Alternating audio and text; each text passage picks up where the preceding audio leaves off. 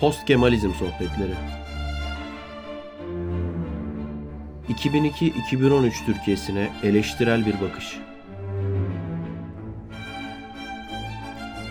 Hazırlayan ve sunan Mert Esen.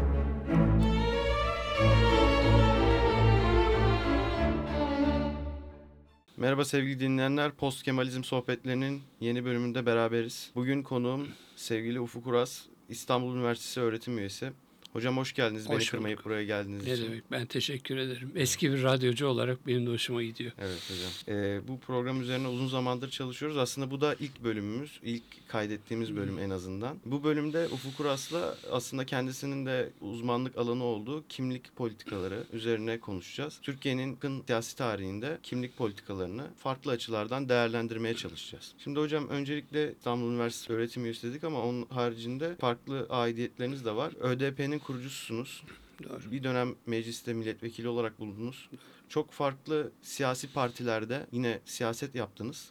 Öncelikle kendiniz kısaca bir bu son 20 yıldaki, 25 yıldaki belki 90'ların o ikinci yarısına itibaren olan siyasal deneyimlerinizden bahsedebilirsiniz. Ben önce İktisat Fakültesi Mezunlar Cemiyeti dergisini çıkardım. İktisat dergisini bir dönem. 90'lı yılların başında. Sonra Mezunlar Cemiyeti başkanlığı yaptım. Arkasından Öğretim Elemanları Sendikası başkanlığı yaptım. 1996'da ÖDP'yi kurduk. Özgürlük ve Danışma Partisi. Toplam 10 yıllık bir genel başkanlığım oldu ve daha sonra da 2007'de bağımsız İstanbul Milletvekili adaylığı oldum ve milletvekili olduktan sonra grup kurması için BDP'de 20'yi tamamladı. Hani değişik partiler diyorsunuz ama hepsi aslında aynı geleneğin devamıydı. Eşitlik ve Demokrasi Partisi, Yeşil Sol Partisi birbirini takip eden partiler oldu. Şimdi bir parti üyeliğim yok ve İstanbul Üniversitesi'nde öğretim üyesi olarak devam ediyorum. Anladım. Hem siyasette işin pratiğini gördünüz, aynı zamanda üniversitede bu işin teorisini de anlatıyorsunuz. Doğru. işin teorik hem de pratik yanları açısından çok farklı bir bakışınız olduğunu düşünüyorum süreçlere. Şimdi benim bir takım sorularım var. Biz burada aslında kısaca bu son Adalet ve Kalkınma Partisi iktidarında ve aslında 90'lı yılların ikinci yarısından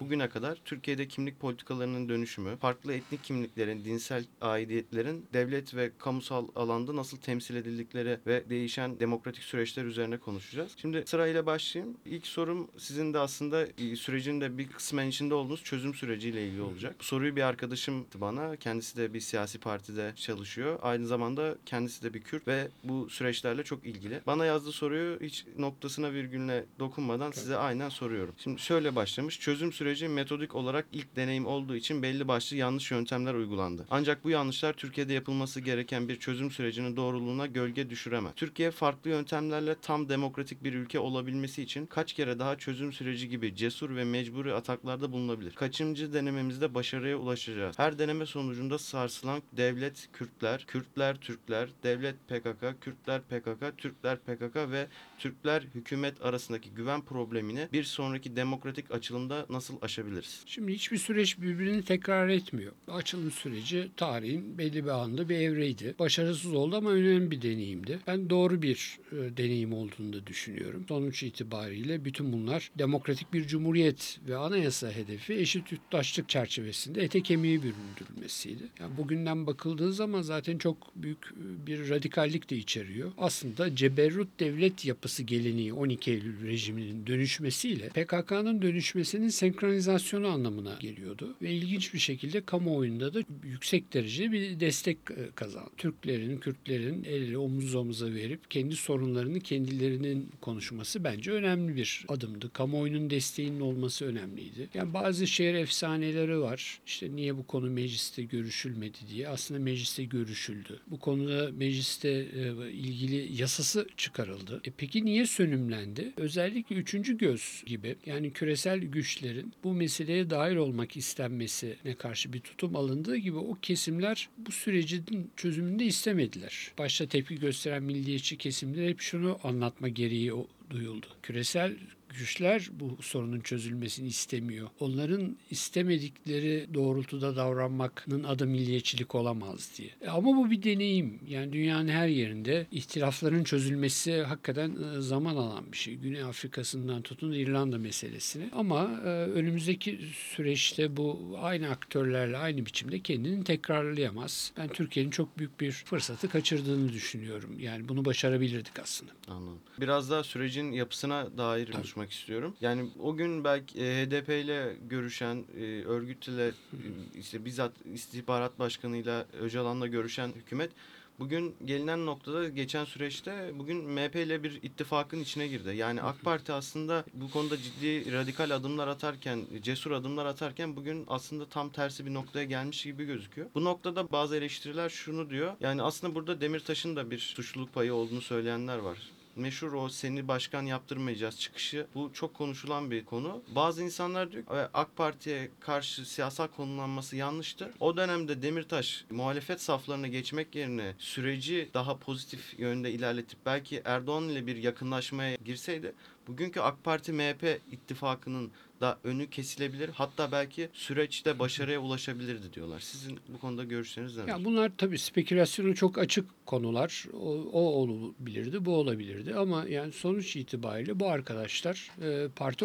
organı olarak bu sürecin bir parçası oldular. Ama önemli olan bunu bu tartışmayı kamusal alanda yapabilmek. Yani biz kapalı toplantılarda orada burada bunu kendi aramızda yapıyoruz. Bütün taraflarıyla kim haklı kim haksız yerine yani bu süreç nasıl aşılabilirdi diye kamusal zeminde bu tartışmayı yapmayıp üstelik bunun tarafları cezaevindeyken onların gıyabında bu tartışmayı yapmak da etik değil. Zaten bu HDP'li yöneticilerin cezaevinde olmasının en büyük faturası da kendileri dışında bu tür süreçleri bizi tartışamaz hale getirmesi. Yani bu kadar zaman geçti. Ya hala biz bu sürecin hani niye kilitlendiği ile ilgili ortak zeminlerde buluşamıyoruz. Öncelikle bunun ta- tartışılması, bu zeminin yaratılması lazım.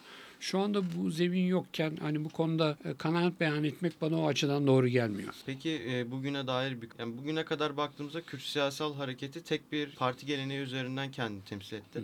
Defalarca partiler kapatılmasına rağmen hep bir ar- ardından gelen parti aynı geleneği sürdüren partiler oldu. Ama son genel seçimlerle Cumhurbaşkanlığı seçimleriyle birlikte bir Hüdapar gerçekliği iyiden iyiye gözümüze çarpmaya başladı. Ve hani gerek AK Parti ile olan Hüdapar'ın ittifakı gerekse de bölgede olan kamusalla bir karşılıkla birlikte Hüdapar iyiden iyiye konuşulur oldu. Şimdi burada iki tür e, düşünce ben görüyorum. İlki şunu söylüyor. HDP ve gelenek yani bugün ismi HDP olarak değiştirilen gelenek Kürt sosyolojisiyle uyumlu değil. Kürtler aslında dindar, solcu değiller ama bu HDP geleneği onlara bir e, beden bir bakan ve aslında Kürt sosyolojisiyle zıt olarak diyorlar. Bu bakış bunu Hüdapar'ın gelişini olumlu karşılıyor ve Hüdapar esasında Kürt sosyolojisiyle daha uyumlu, tabanıyla daha uyumlu ve bu şekilde Hüdapar üzerinden e, Kürt siyasetinin geliştirilmesi gerektiğini savunuyorlar. Öte yandan biraz daha e, HDP kolünden gelenler de diyor aslında bu iktidarın bir projesi. Bunun amacı Kürt siyasi hareketindeki bloğu parçalayıp çok parçalı bir yapıya dönüştürmek ve böyle de Kürt siyasi hareketini iyiden iyiye zayıflatmak diyorlar. Sizin bu konuda düşünceniz nedir? Yani sosyolojik olarak Kürt hareketinin tabanının muhafazakar olduğu do- doğru ama diğer yandan işte hani seküler dünya ile muhafazakar dünyanın hemhal olması açısından bu deneyim bence çok kıymetli. Yani tersinden bakacak olursak. Diğer yandan e, işte bölge tarihi özellikle 90'lı yıllardaki kontur gerilla saldırıları açısından bölgenin insanın bir ortak hafızası var. Onu da unutmamak lazım. Ama yani Hüdapar'ın bugün Cumhur İttifakı'nın bir parçası olması e, çok açık bir şekilde e, özellikle HDP geleneğinin alternatiflerini yaratmak, gücünü düşürmek gibi e, bir hedef içerdiği zaten e, ifade ediliyor. E, zaten Kürt hareketinin e, bölgede hani tek bir temsilcisi diye bir şey yok. Yani Adalet ve Kalkınma Partisi de dahil olmak üzere burada çoğulcu bir doku var. Hani şiddete meyletmeme zemininde bu seçimlerin olabilmesi, bunun sonuçlarına riayet edilmesi yani kayyum siyasetine tekrar dönülmemesi gibi bölge insanı aslında normalleşme istiyor. Bu normalleşme konusunda somut adım atması gereken de tabii ki siyasi iktidarın kendisi. Evet anladım. Peki şeyi merak ediyorum. Son seçimde Hüdapar'la ilgili çok ciddi spekülasyonlar yapıldı. Hani onun bir Hizbullah'la bağdaştırıldı. Bu konuda sizce özellikle muhalefet yani seküler Türk muhaliflerden gelen Hüdapar karşıtı eleştirilerin sebebi onların İslamcı gelenekten olmaması mı yoksa onun arkasında gizli bir Kürtlüğe karşı olan bir ırkçı yaklaşım da var mı? Ya her şey tabii iç içe geçmiş vaziyette. Her iki e, seçeneği de içeren yaklaşımlar olduğunu tahmin etmek lazım. Ama bir parti yani ben şiddetle arama mesafe koydum. Zaten bundan sonra da sivil siyaset üzerinden tutum alacağım diyorsa yapılacak iş kriminalize etmekten çok onun e, tezleri üzerinden eleştirel e, tutum almak. Onun dışında ya, bu partilerin de e, kendilerine göre bir seçmen kitlesi var ve dikkat ederseniz özellikle Gazze meselesi üzerinde de Filistin meselesi üzerinde de kendi bir al- alan açılıyor. Ya önümüzdeki süreçte de böyle gidecektir diye tahmin ediyorum artık bu saatten sonra bir geri dönüş olmaz. Da Kemal Kılıçdaroğlu da sizin gibi bir söylemde bulmuştu seçim sürecinde demokratik siyasetle ilgili. Evet. Yani biraz daha konuyu e, inanç bağlamına kaydırmak istiyorum. Tabii. İlk başlık burada Alevilerle ilgili. Yani bu dönemde son 20 yılda da Alevilerle ilgili bir takım gelişmeler, olumlu olumsuz gelişmeler oldu. Buradaki sorun da şu, bu zamana kadar sağ partiler gündelik yaşam diskuru hususunda Alevilerden daha mütedeyyin kesimlerin desteğini aldığı için ve ortalama bir Alevi, ortalama bir Sünniye göre daha seküler bir yaşama sahip olduğu için Aleviler sağ partilerden yani genelde iktidar olan partilerden uzak durdu. Tüm bunlara rağmen Alevi yurttaşlar sağ hükümetler tarafından tek parti CHP dönemi kadar hırpalanmadılar, zarar görmediler. Alevilerin bugün kuvvetli bir Kemalist ve CHP'li damarının olması politik bir şuursuzluk mudur yoksa değil midir? Yani şuursuzluk demek tabii ağır olur. Açmaz diyelim, çıkmaz diyelim. Stockholm sendromu diyelim ya da Dersim sendromu diyelim. Böyle böyle böyle bir durum var. Burada esas mesele Türkiye yıllardır layıktır, layık kalacak diyenlerin Sünni Hanefi İslam'ı devletin resmi dini hale getirildiği ve otoriter bir laikliğin de topluma dayatıldığı bir durumdan bizim demokratik laiklik dediğimiz yani bütün inanç alanlarına eşit mesafede olan bir kamu iradesi ve herkesin kendi kimliği inancıyla özgürce yaşayacağı bir demokratikleşmede an- anlaşabilmek. Bunun e, en büyük tezahürü de e, belirtisi de kamusal alanda e, istihdam vesaire gibi konularda ya da diyelim valilerin, emniyet müdürlerinin dağılımındaki bu yurttaşlarımıza yönelik e, ayrımcılık yapılmaması gibi jestler. Hani başka bir alan gibi gözüküyor ama bir Ermeni yurttaşımız kaymakamlığa atandı diye büyük olay oldu. Herkes şaşkınlıkla karşıladı. Onun gibi hakikaten Alevi yurttaşlarımız da anayasal eşitlik hakkını kullanmak istiyor. Ya bu konuda vaat çok, somut adım maalesef yeterince yok. Peki şeyi merak ediyorum. Aleviler özelinde son dönemde aslında Kemal Kılıçdaroğlu'nun CHP Genel Başkanı olmasıyla birlikte Alevilerle CHP arasındaki bağlar iyiden iyiye kuvvetlendi gibi. CHP kamuoyunda özellikle Alevi Partisi olarak bir etiketlenmeye maruz kaldı. Sizce bu Alevilerin hakları açısından pozitif bir gelişme miydi onların siyasal temsilleri? Yoksa iyiden iyiye Alevileri tek bir merkeze toplayıp onları kriminalize eden bir süreç? Yani son kongreye baktığınızda bu iddianın çok doğru olmadığını görüyoruz yani. Alevi partisi değilmiş, belediye partisi miymiş diyeceğiz yani. Şimdi ya mağdur olanlara yönelik bir pozitif ayrımcılık tabii önemli. Ama burada yani ölçüyü kaçırmamak lazım. Çünkü yani CHP gibi partinin herkese seslenmesi, kuşatıcı bir siyaseti benimsemesi hani kitle partisinin olmazsa olmaz koşulu. O açıdan Kemal Bey'in özellikle bizim yıllardır anlattığımız otoriter laiklik karşısına demokratik laiklik perspektifini benimsemesi bence çok önemliydi. Onun sonuçlarından tabii Alevi yurttaşlarımız yararlandılar. Biz Eşitlik ve Demokrasi Partisi'ni kurduğumuzda ve başında da Ziya Halis olduğunda ciddi bir Alevi damar oldu. Ve Kemal Bey gelir gelmez bizden bu tarafa e, yani Kemal Bey'in e, daha doğrusu Deniz Bey'in başkanlığının düşmesi en fazla bizim HDP'ye vurdu yani. Topluca bu tarafa geçtiler. Bu çok anlaşılır bir şey. Peki şimdi bu Alevi hassasiyeti Kemal Bey'in kongrede düşürülmesinden sonra nereye evrilecek ya da evrilecek mi? Bunları bilmiyoruz. Yaşayıp göreceğiz. Yani yeniden bir Sünni laik Türk partisi olmaya doğru mu yoksa o eski çoğulcu damarı kuvvetlendirecek mi göreceğiz. Burada bir de şey var şimdi Alevileri biraz bir kenara bırakarak biraz daha o hakim Sünni mütedeyyin kitleye geliyorum. Rahmetli Şerif Mardin'in merkez çevre teorisi gerek liberal gerekse de hükümete yakın kesimler tarafından yıllarca dile getirildi. Halen de sıkça dile getirilmekte. Yani Şerif Mardin bu bağlamda hayatının son yıllarında kendisine sorulan merkezle çevre yer, değ- yer mi değiştirdi sorularına muğlak bir cevap veriyordu. Böyle bir şey olabilir. Tezde bir takım değişiklikler olmuş olabilir diyordu. Siz bu noktada ne düşünüyorsunuz? Yani Türkiye'de merkez çevre ilişkileri o Şerif Mardin'in teorisindeki gibi devam ediyor yoksa muhafazakar mütedeyyinler artık çevre konumundan merkez konumuna ve e, oradaki merkez olan laik Sünni Türklerde çevreye mi geldi? Yani bir çevreyle merkez arasında bir dönüşüm gerçekleşti mi? Şimdi yani Şerif Bey bunları ifade ettiği 60'lı yıllardan bugüne geldiğimizde her şey değişti. Yani %50 olan kent-kır ilişkisine baktığımızda artık kent merkezi bir yaşam var. Çevrenin partisi olan e, Refah Partisi geleneği e, merkeze yerleşti. Fakat çevrenin adresi yok. Problem biraz açmaz burada. Ve bu kentleşmeyle e, beraber yeni bir harmanlanma oluyor. Yeni bir politik kültür ortaya çıkıyor. Yani muhafazakar kesimler sekülerleşiyor. Birlikte yaşam konusunda e, yeni bir kuşak oluşuyor. Bunlar yeni şeyler ama o kalıbın Şerif Bey'in o yaklaşımın kendisinin e, geçersiz olduğu anlamına gelmez. E, Hakikaten 21. yüzyılda artık bambaşka bir ortamdayız. Şimdi merkez e, çoğaldı. Yani resmi e, Kemalist söylemin yanı sıra Türk İslam sentezciliği vesaire gibi farklı odaklar oluştu. Ama çevrenin adresi nedir dediğimizde burada bir ciddi boşluk var. Zaten Türkiye'nin açması da e, biraz buradan kaynaklanıyor. Bir- birkaç gün önce bu soruyu hükümete çok yakın bir siyaset bilimciye sordum. O da bana demişti ki yani merkezde çevre yer değiştirdi demek yanlış ama hani yer değiştirmedi demek de yanlış.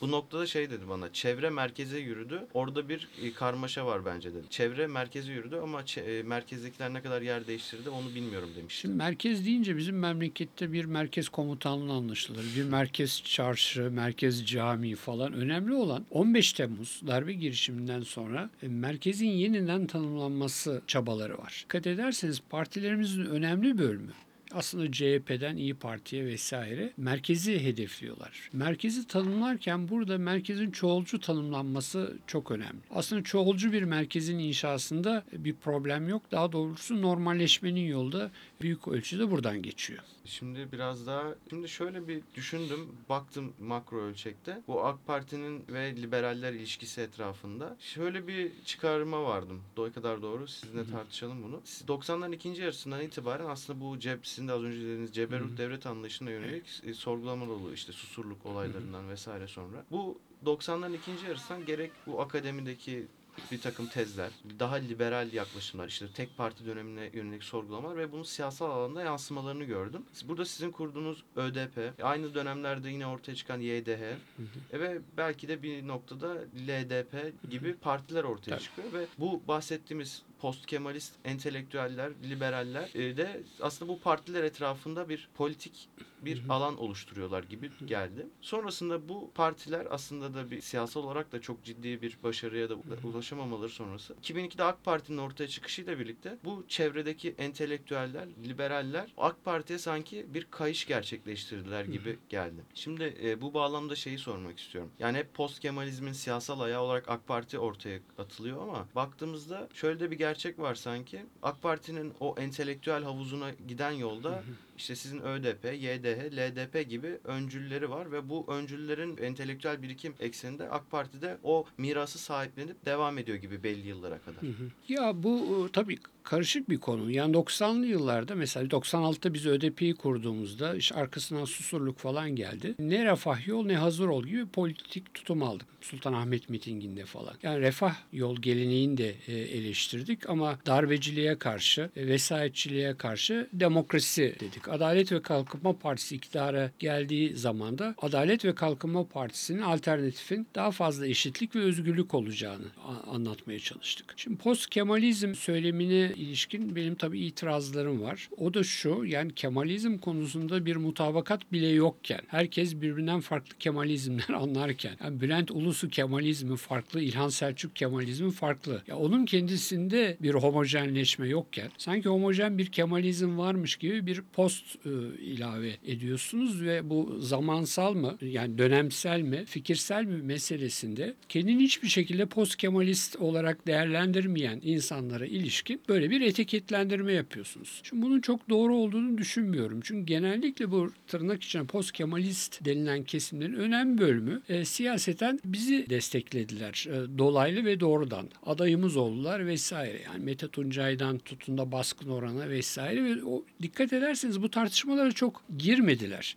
Girmemelerinin nedeni iyi temellendirilmediğini düşündükleri için. Teorik bohçacılık dediğimiz her şey aynı bohçaya koymak anlamlı olmayabilir. Çünkü hem vesayete karşı, askeri, siyasi vesayete karşı hem de var olan iktidara karşı tutum almak pekala mümkündü ki işte onu biz yapıyorduk. Şimdi bu anlattığınız tanımlamaya uymadığı zaman görmezlikten gelme hali e, çok doğru bir yaklaşım olmuyor. Bir yandan herkesin kendi kimliğini özgürce yaşayabileceği bir Türkiye mücadelesi yapıp yani kimlik siyasetini de sürdürüp ama diğer yandan yoksullarla kimliğinden yoksul olanların mücadelesinde ortaklaştırabilmeniz mümkün. Şimdi bu çerçeve sizin tanımladığınızın dışında kalıyorsa o çerçevenin iyi bir çerçeve olmadığı ortada. Diyelim post Marksizmle ilgili Laclau, Chantal Mouffe vesaire ilişkin bir değerlendirme yaparken Laclau'ların, Chantal Mouffe'ların yaklaşımını e, bilirsiniz. Onlar kendilerini zaten böyle ifade ederler. Ama kendilerini "Aa, hiçbir şekilde böyle ifade etmeyen insanlar hayır sen böylesin deyip üstelik beş benzemezi yan yana getirip bir de onların hani siyasi iz düşümü olarak diyelim kendimizi görelim. Haksızlık etmiş olabilirim. Başka eğilimlerde olabilir ama hiçbir şekilde hani postmodernizmin eksensizliği karşısında kimlik politikasıyla sınıf politikasını yan yana getirmeyi uğraş etmiş bir gelenek olarak baktığımda e,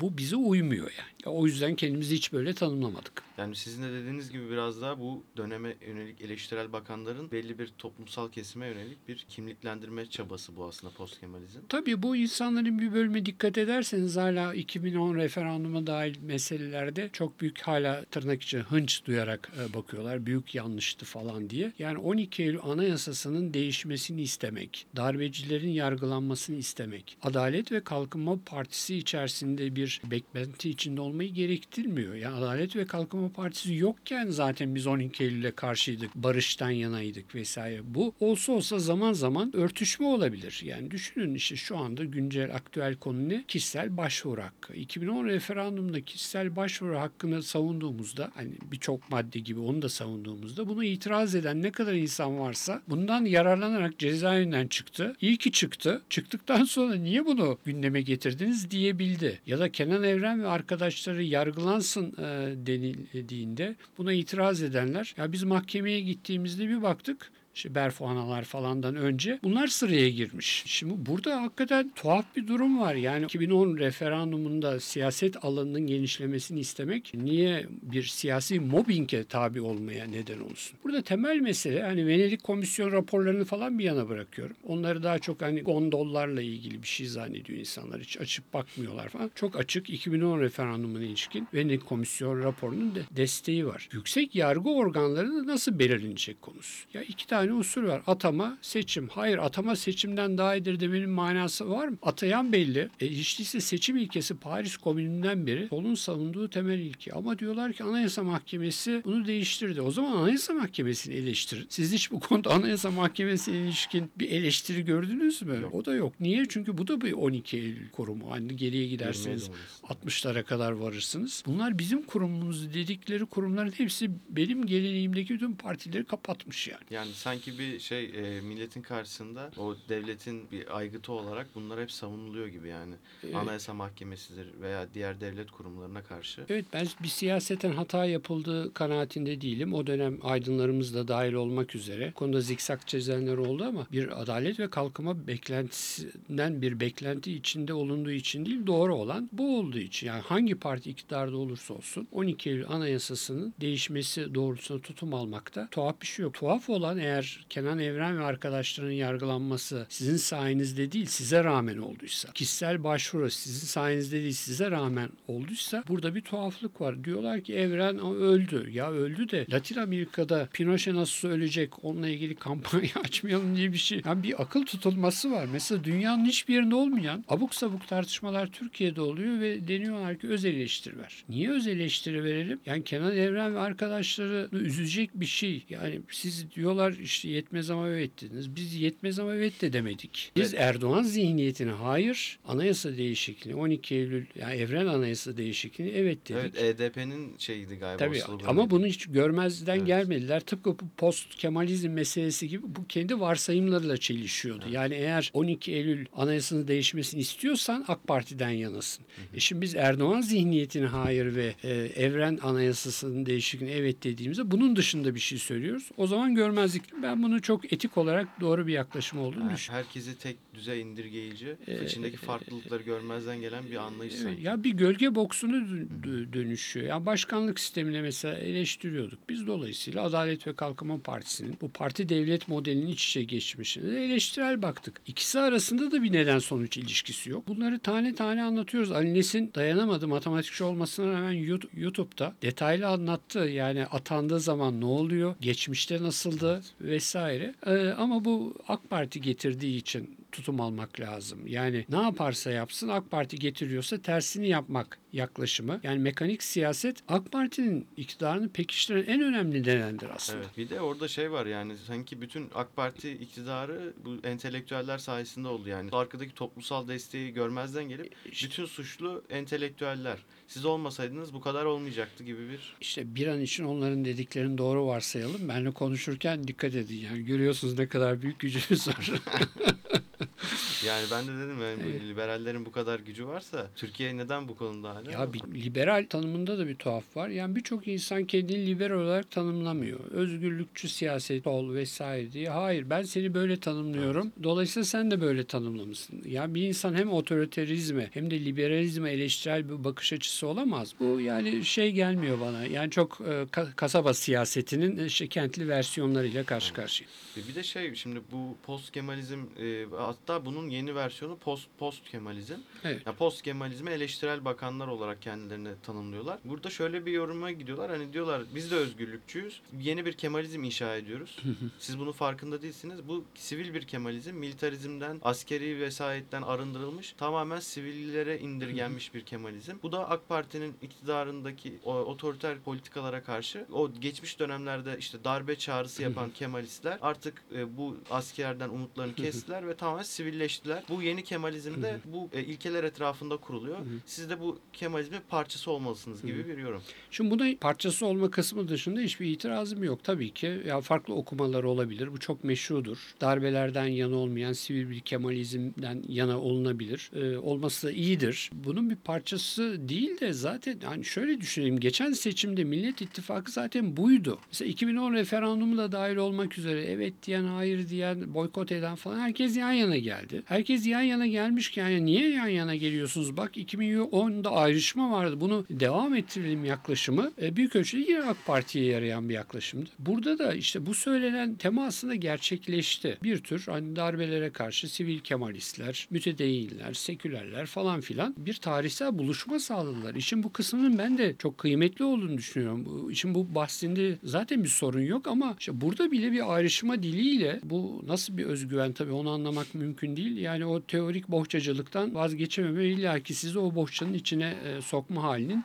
hiçbir karşılığı yok tabii. Evet ki bu altılı masa hikayesinin ben e, temellerinin Gezi ile birlikte atıldığını düşünenlerdenim. Şöyle yani e, bu post Kemalist dönemde açılım döneminin çözüm dö- sürecinde bu AK Parti'nin yapmış olduğu süreçlere o pozitif bakmayan daha ulusalcı Kemalist e, bir açıdan bakan muhalif seçmen yani bugün Cumhuriyet Halk Partisi seçmeni ve İyi Parti seçmeni belki bu geziyle birlikte sanki açıktan olmasa da belki cesaret edemediler açıktan bir ittifak ama yakınlaşma oldu HDP ile aralarında. Yani e, şunu demek istiyorum. 2002 ile 2013 arasında Kürtlere karşı daha negatif bakan ulusalcılar Gezi ile birlikte Erdoğan karşıtlığında anti Erdoğanizmle Kürtlerle bir ittifak içine girdiler. Hani yazılı bir mutabakat Evet, evet. olmasa da. Bunu nasıl yorumlarsınız? Bu nasıl bir dönüşüm oldu? Bu bir de şunu sormak istiyorum. Bu sizce samimi bir dönüşüm mü yoksa pragmatik konjonktürel bir dönüşümden ibaret mi? Yani en azından hani samimiyet testi çok zor tabii ama en azından bir önemli bir deneyim oldu. Ben de size katılıyorum. Gezi sü- sürecinde aslında bir e, gökkuşağı koalisyonu oluştu. Yani ağacıma dokunma diyenler eğer bir sonraki seçimde adayıma dokunma deyip meseleyi siyasallaştırsalardı anlamlı olabilirdi. O orada maalesef tıkandı, kadük kaldı. Yani şimdi Gezi'ye baktığınızda Vakıflar Genel Müdürlüğü'ne devredilmiş vaziyette. Kimse bunun farkında değil. Zaten Gezi sürecinin ilk başında bizim Yeşiller Partisi'ne falan toplantılar oluyordu. imzalar verdik, videolara yayınlandık. O dönem zaten dikkat ederseniz hiçbir hareketlenme yoktu. Sonra hayvan hakları ile ilgili bir şey oldu. Ona tepki oldu. Arkasından işte bu e, sosyal medya ile ilgili bir İnternetime dokunma. dokunma gibi bir çok kıymetli yani bizim tarihimizde bence çok e, önemli ama buna bakarak e, buradan işte sınıf hareketleri çıkarmak isteyenler hatta parti kuranlar üzerinden sörf yapanlar ya bu bir tabii siyasi oportunizm. Onun o kendiliğindenciliği, bireye dayalı yanı çok kıymetliydi ama e, o, o da araçsallaştırıldı ve e, bu o zaman da tekrarı olmuyor zaten. Genel olarak hani bir yandan Kürt meselesini konuştuk. Diğer yanda işte bu Alevi ve e, İslam e, dinsel inanç gruplarını konuştuk. Bugüne dair konuşuyoruz. Ben bir de size bir alternatif tarih yazımı yapmaya. O da şu. Bu post Kemalist aydınlar genel olarak Kemal Kılıçdaroğlu'nun Cumhurbaşkanlığı sürecinde destek verdiler Kemal Kılıçdaroğlu'na. Ve kimileri ben arkadaşlarımla konuşunca, aktif siyaset yapan arkadaşlarla konuşunca bana Kemal Kılıçdaroğlu iktidarında yeni bir post Kemalist sürecin başlayacağını, olası bir çözüm sürecinin, işte Avrupa Birliği ile ilişkilerin yeniden başlayabileceğini düşündüler. Yani bir adeta bir 2007-2010 AK Partisi'nin bugün CHP'de var olacağını düşündüler. Ve hani bu aslında seçimin ikinci turda Ümit Özdağ ile olan ittifaka kadar çok dillendirildi. Ondan sonra gerek içeriden gerekse de e, aydınlardan bir takım eleştiriler geldi. Sizce Kemal Kılıçdaroğlu iktidar olsaydı, seçimi kazansaydı bu AK Parti döneminde yaşadığımız ola- olaylar, bu açılımlar vesaire yani kısaca post Kemalist dönem tekrar eder miydi? Yoksa az önceki soruyla da biraz benzeşiyor ama bu biraz daha pragmatik bir yöntem miydi? Bir, bir kere daha söyleyeyim ben de böyle düşünüyorum ama kendimin post Kemalist aydın ve post Kemalist dönem değerlendirmesi dışında tutarak e, söyleyeyim. Hakikaten bana çok şey geliyor. E, sentetik bir tanımlama gibi geliyor. E, bu zaten Millet İttifakı'nın ortaya koyduğu metinlerde vardı. Yani bunu Kemal Bey'e indirgemeden söylemek e, gerek. Yani temel aks şuydu. Parti devleti modeline karşı olan herkesin siyaseten yan yana gelmesi. Şimdi bu çok kıymetli. Yani bunu böyle sağa açılma e, falan diye değerlendirenler hemen yerel seçimde bir benzerini yaparak aslında ne kadar fikirsiz olduklarını ortaya koydular. Yani bir, bir öykü vardır, duymuşsunuzdur belki.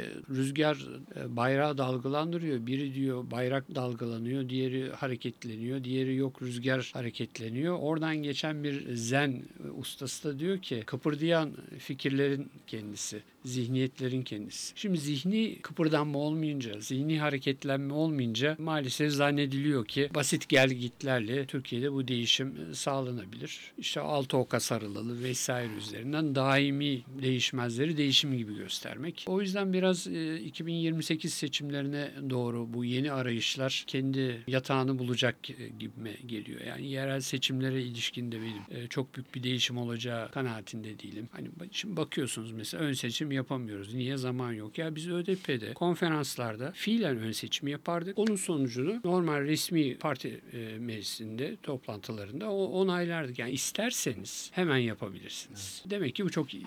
Yani kontrolü kaybetmeyelim meselesi. E o idari maslahatçılıktan da yani büyük bir politik radikalizm çıkması çok kolay gözükmüyor. Ya son olarak şeyi sormak istiyorum biraz da bugünün AK Partisi'ni ve Türkiye'nin yakın geleceğine dair neler olabilir diye. O özellikle 15 Temmuz sonrasında bu yeni kurulan artık ismine Milli Güvenlik İttifakı mı denir? Evet. Cumhur İttifakı'nın uygulamış olduğu politikalara baktığımızda yani bu post Kemalist dönemde uygulananların tam zıttı politikalar uygulandığını görüyoruz. Hatta kimi ulusalcıların o dönemde kendileri hapse girmiş olanlar, Tayyip- bizzat Erdoğan'ın rejimi tarafından hapse atılmış olanlar bu Ergenekon balyo süreçlerinde Tayyip Erdoğan'a destek açıklamaları yaptılar. Hatta bazıları partisinden milletvekilleri vesaire oldu. Sizce bu dönüşüm nasıl gerçekleşti? AK Parti ile bu devletin ulusalcı devlet elitleri, müesses nizam arasındaki ittifakı nasıl görüyorsunuz? Ve bir de şey ekleyeyim. Bu yeni dönemle birlikte hani bir takım dönüşümler vesaire bunlar e, görüyoruz. İşte özellikle hukuki alanda veya diğer alanlarda. Sizce bu dönüşümler Türkiye'de yakın gelecekte AK Parti, MHP, Cumhur İttifakı'nın çatlamasına yol açabilir mi? Özellikle bu son anayasa tartışmaları bağlamında. Yani bir kere de şehrimizi söyleyerek e, ifade edeyim. Yani post Kemalist dönem olarak ben İsmet İnönü dönemini çok daha uygun e, değerlendiririm. En azından şimdi paraya kendi resmini koyan bir, bir f- figür söz konusu değil. Yani 15 Temmuz öncesi var olan koalisyonun çatladığını görüyoruz ve o boşluğu e, devletin kabını alma e, şeklinde değerlendirdi Adalet ve Kalkınma Partisi ve tabii ki bu başka bir Türkiye e, demek. Onun çok ağır faturalarını da e, ödemiş bulunuyoruz. Ama burada bir hikayenin sonuna gelindiği ortada. O yüzden e, yeni bir açılım yapma ihtiyacı hissediyorlar. Bu, bu gerçekleşebilir mi? Bunu yaşayıp göreceğiz. Özellikle bu anayasa tartışmalarında muhalif bloğun da farklı davranması kartların yeniden karılmasına neden olabilir. Ama ben kısa dönemde MHP parti e, bloğunun çok kolay çatırdayacağı kanaatinde değilim. Orta ve uzun dönemde ne olur bunu kestirmek çok kolay değil. Eğer İstanbul gibi kritik seçimleri de alırlarsa böyle giderler. Ama bazı özellikle dünya kamuoyundan tecrit olmamak için bazı somut adımlarında atılabileceğini tahmin etmek gerek. İşte örneğini cumartesi hanelerinde gördük bir mikro örneğini. Hocam çok sağ olun. Ne demek? Yani farklı konular üzerine daldan doluktan kimlik Evet. politikalarından sizin adını çok sevmediğiniz, zikretmediğiniz bu post Kemalizm kavramına, o döneme dair e, böyle farklı alanlardan sizin görüşlerinizi dinledik. Yani çok kıymetli görüşleriniz. Çünkü programın başında da belirttim esasında. Yani hem işin teorik kısmını hem de aynı zamanda pratiğini biliyorsunuz ve Türkiye'nin Evet. reel politik gerçeklerine ve bu siyasetin bir takım e, yazılı olmayan kurallarına da içeride bu süreçlerde bunun için hakimsiniz. Ben çok teşekkür Ben- ederim ben buraya teşekkür geldiğiniz ederim. için. Yani politika dediğiniz şey zaten teoriyle pratik arasında kurulan köprüdür. Ama bu köprüyü korumada dediğim gibi her anahtarı açan maymuncuk gibi kavramsal araçlara karşı biraz temkinli olmakta Evet. fayda var. O sırf onun altını işaret etmek istedim. Dikkat Evet. edelim diye. Evet sayın dinleyiciler programımızın sonuna gelmiş bulunmaktayız. Bugün 16 Kasım Perşembe İstanbul Bilgi Üniversitesi Radyosu'nda radyo vesaire stüdyolarında bu programı kaydediyoruz. Bizi dinlediğiniz için çok teşekkürler. Gelecek bölümlerde görüşmek üzere. Sağlıcakla kalın.